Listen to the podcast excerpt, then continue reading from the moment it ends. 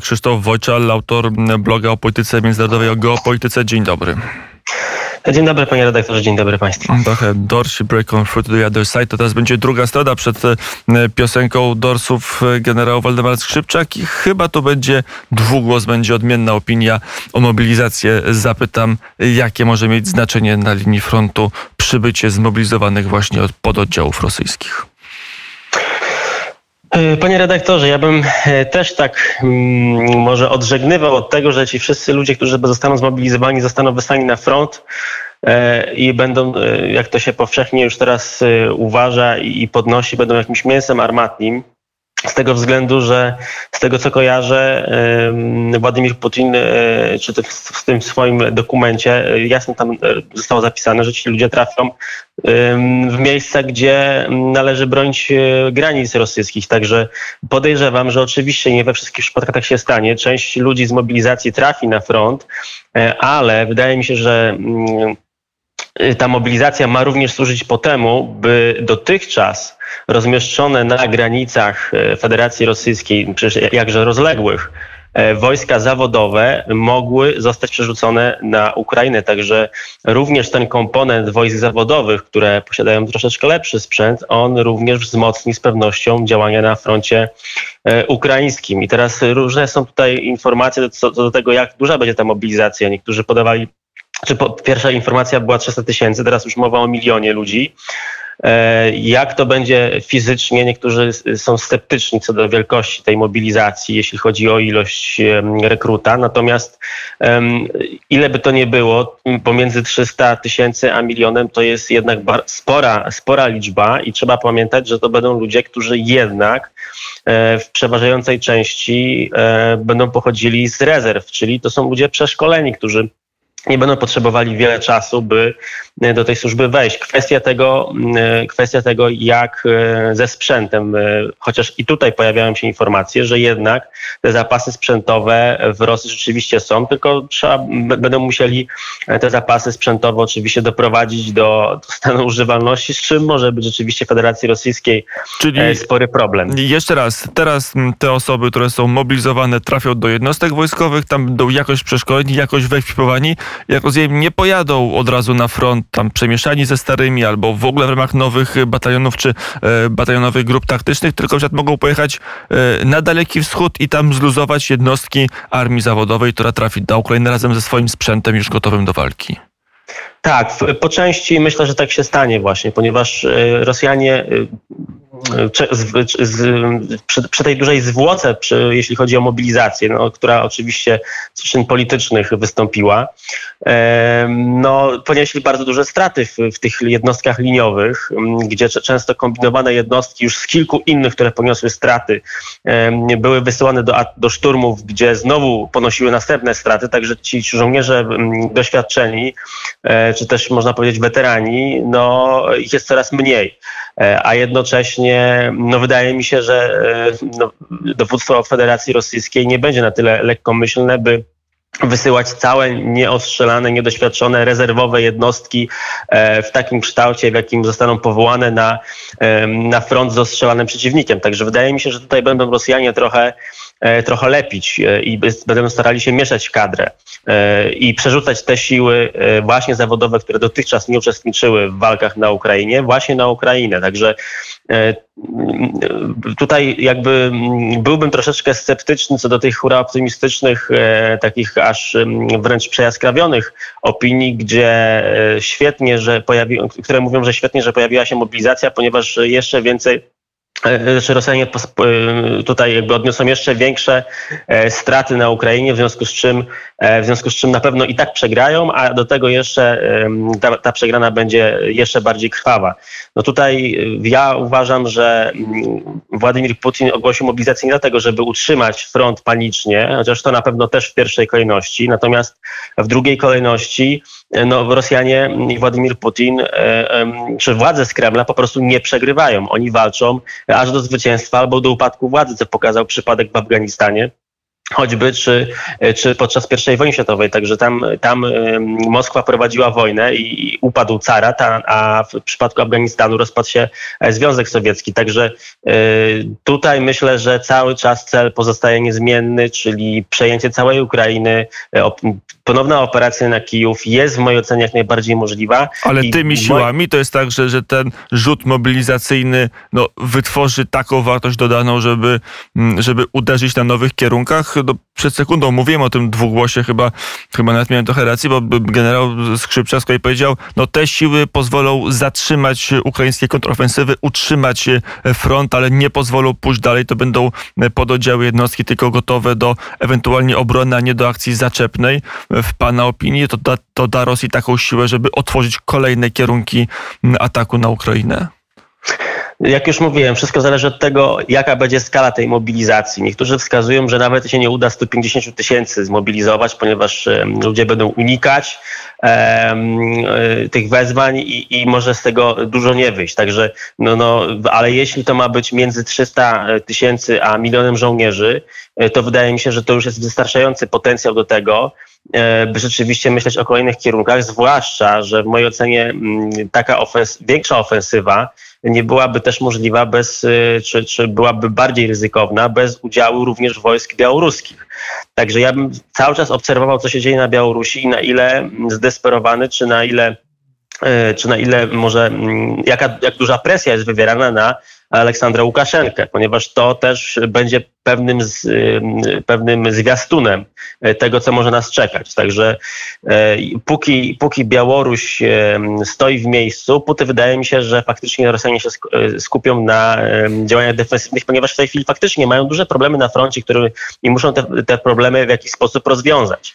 Natomiast wydaje mi się, że ta szersza, dłuższa perspektywa czasowa, te plany takie strategiczne, one się po prostu nie zmieniły i po tym, jak Rosjanie liczą na to, że im się uda rzeczywiście utrzymać e, front w takim kształcie, w jakim mniej więcej jest w tej chwili, będą myśleć e, następnie o e, przeprowadzeniu ofensywy i zakończeniu wojny, ponieważ no, w, jeśli chodzi o Federację Rosyjską, w przypadku tego państwa również istnieje szereg czynników wewnętrznych, które to państwo wyniszczają, a będą jeszcze bardziej wyniszczać, gdy te sankcje od grudnia będą jeszcze bardziej restrykcyjne, w związku z czym Rosjanom kończy się czas i wydaje mi się, że będą chcieli to rozwiązać jak najszybciej kiedy, e, kiedy będą mogli przejść w ogóle do, odzyskać inicjatywę na polu, na polu bitwy, taką strategiczną. Nie jestem w stanie powiedzieć, tu właśnie, właśnie powinni e, wypowiedzieć się wojskowi, no ale z tego, co ja czytałem właśnie od ekspertów, no to jest mniej więcej, mniej więcej kilka miesięcy do pół roku, żeby, żeby mm, od ogłoszenia mobilizacji i przeprowadzenia do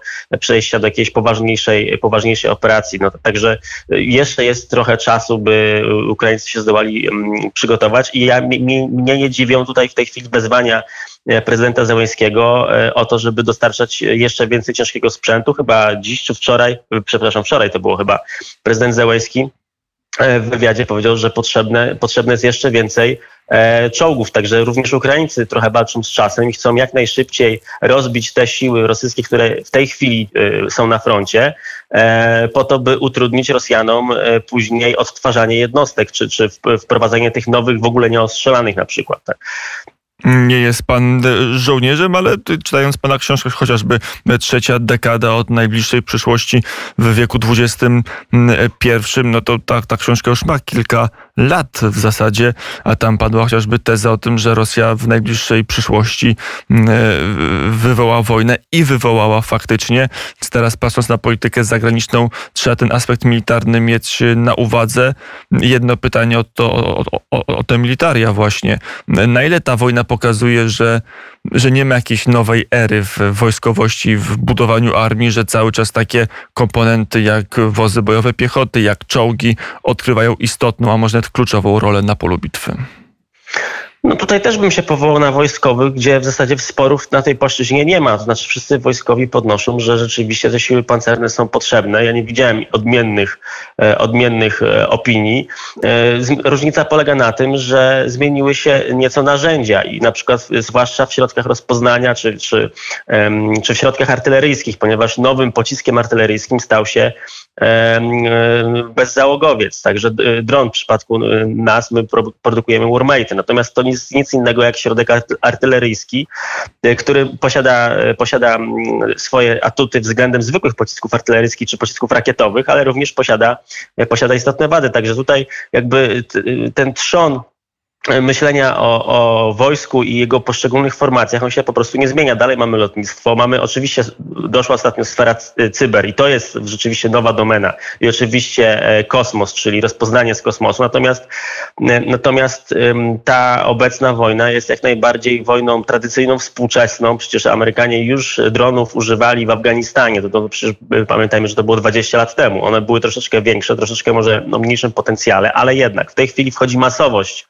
bezzałogowców. Niemniej, e, tak jak już mówiłem, to są albo środki rozpoznania, albo środki artyleryjskie. Tak należy je traktować. I zarówno rozpoznanie, jak i artyleria już wcześniej odgrywały na polu bitwy bardzo dużą rolę i już wcześniej e, wszelcy, wszyscy dowódcy mówili, że rozpoznanie jest najważniejsze, a tak samo jak mówili, że artyleria jest królem, królem pola bitwy. Także ja tutaj po prostu widzę, że zmieniają się nieco narzędzia, E, techniczne, natomiast jakby sposób, e, sposób walki, czyli to, co trzeba rozpoznać, trzeba ostrzelać, formacja kawalerii, czyli w tej chwili kawaleria pancerna, dokonuje przełamań, dokonuje, e, próbuje manewru, natomiast piechota musi, musi zabezpieczyć kierunki i, i najlepiej w takim terenie, który właśnie ułatwia obronę.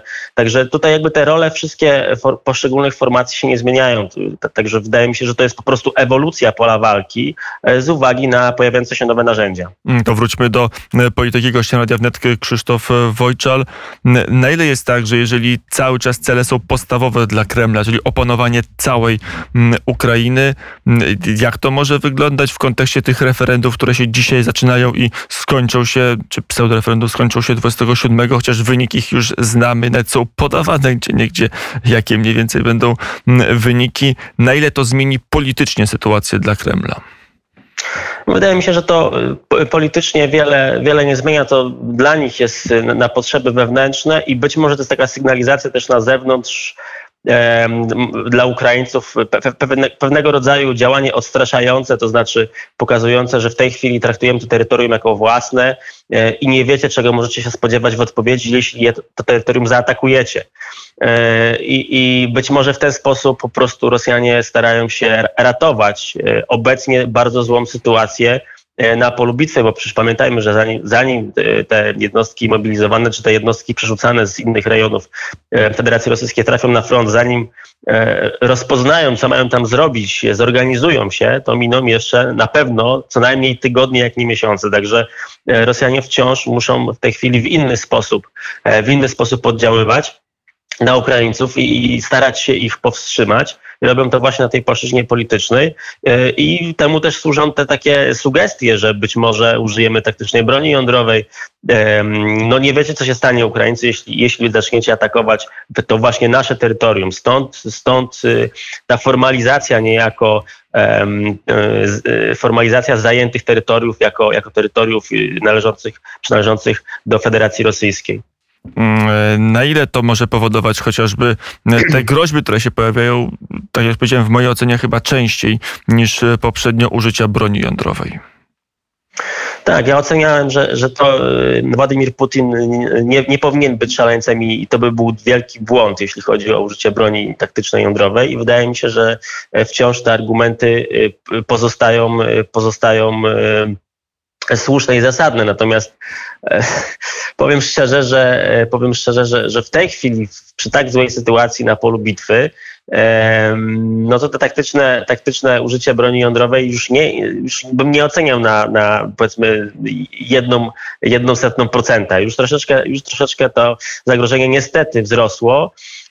Natomiast dalej, dalej wydaje mi się, że Wydaje mi się, że jednak Ukraińcy mogą, będą i będą podejmować dalsze działania kontrofensywy czy zaczepne, jeśli mają do tego siły, a wydaje mi się, że dotychczas te działania, które podjęli, zwłaszcza w zwłaszcza na e, kierunku charkowskim, znaczy w rejonie charkowskim, e, no to tam e, Ukraińcy przy ofensywie podnieśli bardzo małe straty, w związku z czym wydaje mi się, że ten potencjał został zachowany i powinni, i powinni, znaczy na pewno mają potencjał do tego, żeby jeszcze spróbować zaatakować Rosjan i wydaje mi się, że gdyby tak zrobili, to nie, nie zostanie użyta broń jądrowa. Mm, ale jeżeli te, ten nawet minimalny margines, ale jednak e, Pana zdaniem trochę większy niż, niż jeszcze na początku, czy, czy, czy, na, czy, czy w pierwszych fazach tej operacji jest, to to będzie użycie tylko wobec Ukrainy, czy, czy może szerzej? Jak to może wyglądać w wykonaniu Rosji? Nie, no już o takim szerszym uderzeniu nuklearnym to już w ogóle nie ma, nie ma mowy. Tutaj um, też wypowiadali się wielokrotnie w tym zakresie specjaliści, którzy wskazywali, że do takiego uderzenia atomowego szerszego, no na to by wiedziało, bo, bo obserwowane są również środkami satelitarnymi te ośrodki. E, to, to, to trzeba przygotować się logistycznie, przewieźć e, głowice, to wszystko, te wszystkie ruchy, to politycznie by, by to też e, można było zaobserwować. Na liniach na liniach komunikacyjnych to też by wyszło. Na pewno wywiad dostarczyłby odpowiedni. Także z wielu stron, na wielu płaszczyznach tego rodzaju sygnalizacja, że takie uderzenie może być możliwe, e, na pewno by to wyszło do NATO i wówczas NATO e, zaczęłoby przygotowania ze swojej strony, także mielibyśmy trochę jak w zimnej wojnie.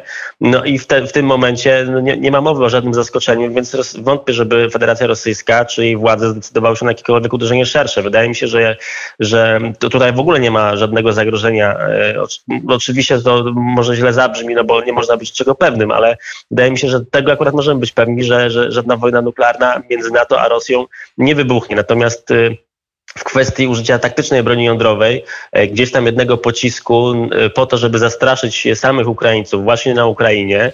E, chociaż ja myślę, że to w ogóle może wyglądać inaczej, te zastraszenie, zastraszenie jądrowe, nie poprzez użycie, mm, poprzez użycie pocisków czy broni konkretnie, a właśnie zauważmy, że Rosjanie grają tutaj tą kartą elektrowni atomowych. I, i tutaj mi się wydaje, że to jest ta mm, groźba, to jest ten sygnał, kierowany w stosunku do Ukraińców, e, e, by nie pozwalali sobie na zbyt dużo, ponieważ, e, ponieważ to Rosjanie kontrolują tą elektrownię atomową ukraińską i przy Zaporożu i mogą e, tutaj mogą coś zrobić, że, e, że po prostu e, strona ukraińska będzie miała bardzo poważny problem, no również pewnie i Polska jako sąsiednie państwo. Także w tym kierunku obawiałbym się pewnego rodzaju kroków odstraszania, chociaż też tutaj też Rosjanie wydaje mi się, że nie mogą sobie pozwolić na jakąś nie wiadomo jak dużą klęskę.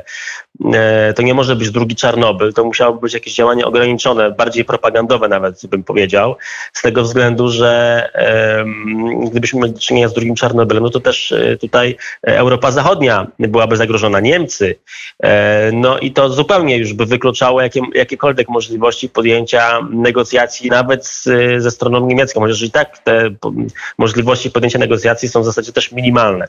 Mm, to jeszcze na koniec jedno pytanie, może powinno paść wcześniej, jak ta mobilizacja odbija się na renomie Rosji wobec już nie, nie tam Europy Zachodniej czy świata zachodniego, ale wobec mm, Chin, Indii czy innych partnerów rosyjskich z południa i wschodu. Tak, to jest bardzo dobre pytanie. E, w mojej ocenie, e, w mojej ocenie e, mobiliz- nawet ta częściowa mobilizacja pokazała, że regularne wojska Federacji Rosyjskiej nie są w stanie sobie poradzić z dużo mniejszym i teoretycznie słabszym przeciwnikiem. I z pewnością, z pewnością w oczach Chińskiej Republiki Ludowej czy, czy władz z Pekinu no Rosjanie czy rosyjska armia nie posiadają w tej chwili najwyższych notowań. E, I to jest okazanie słabości. I wydaje mi się, że to jest, jeden, to jest jedna z przyczyn, dlaczego Władimir Putin tak długo się wstrzymywał z ogłoszeniem tej częściowej mobilizacji. E, I tutaj jeszcze właśnie w kontekście również tego zagrożenia atomowego, to jest bardzo istotny argument w mojej ocenie, ponieważ użycie broni jądrowej na Ukrainie pokazywałoby, że Federacja Rosyjska jest naprawdę jej armia jest niezwykle, słaba i nie potrafiłaby sobie poradzić w konwencjonalny sposób e, z mniejszym, słabszym państwem, przeciwnikiem, jakim jest Ukraina. E, I wydaje mi się, że to by był w ogóle e, olbrzymi cios, olbrzymi cios wizerunkowy w siłę czy, czy w postrzeganie siły rosyjskiej. Wiadomo, że Rosjanie um, używali zawsze argumentu siły jako nadrzędnego do prowadzenia polityki zagranicznej. Tak więc oni by sobie sami wytrącili w ten sposób najważniejszy swój e, argument na arenie na, na, e, międzynarodowej, czyli argument taki, że, że uważajcie, bo możemy zagrozić temu lub innemu państwu, a może nawet całemu NATO.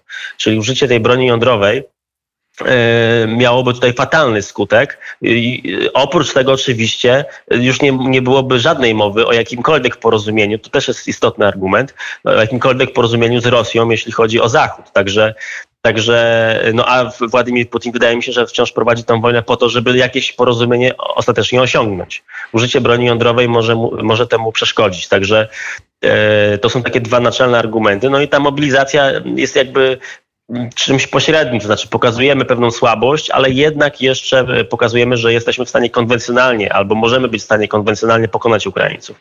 Jeżeli to się nie uda, to może dopiero się zacznie kłopot dla Władimira e, Putina, ale o tym opowiemy już w następnej rozmowie. Krzysztof Wojczal był gościem Radia Wnet. Bardzo serdecznie dziękuję za rozmowę. Dziękuję za zaproszenie, pozdrawiam.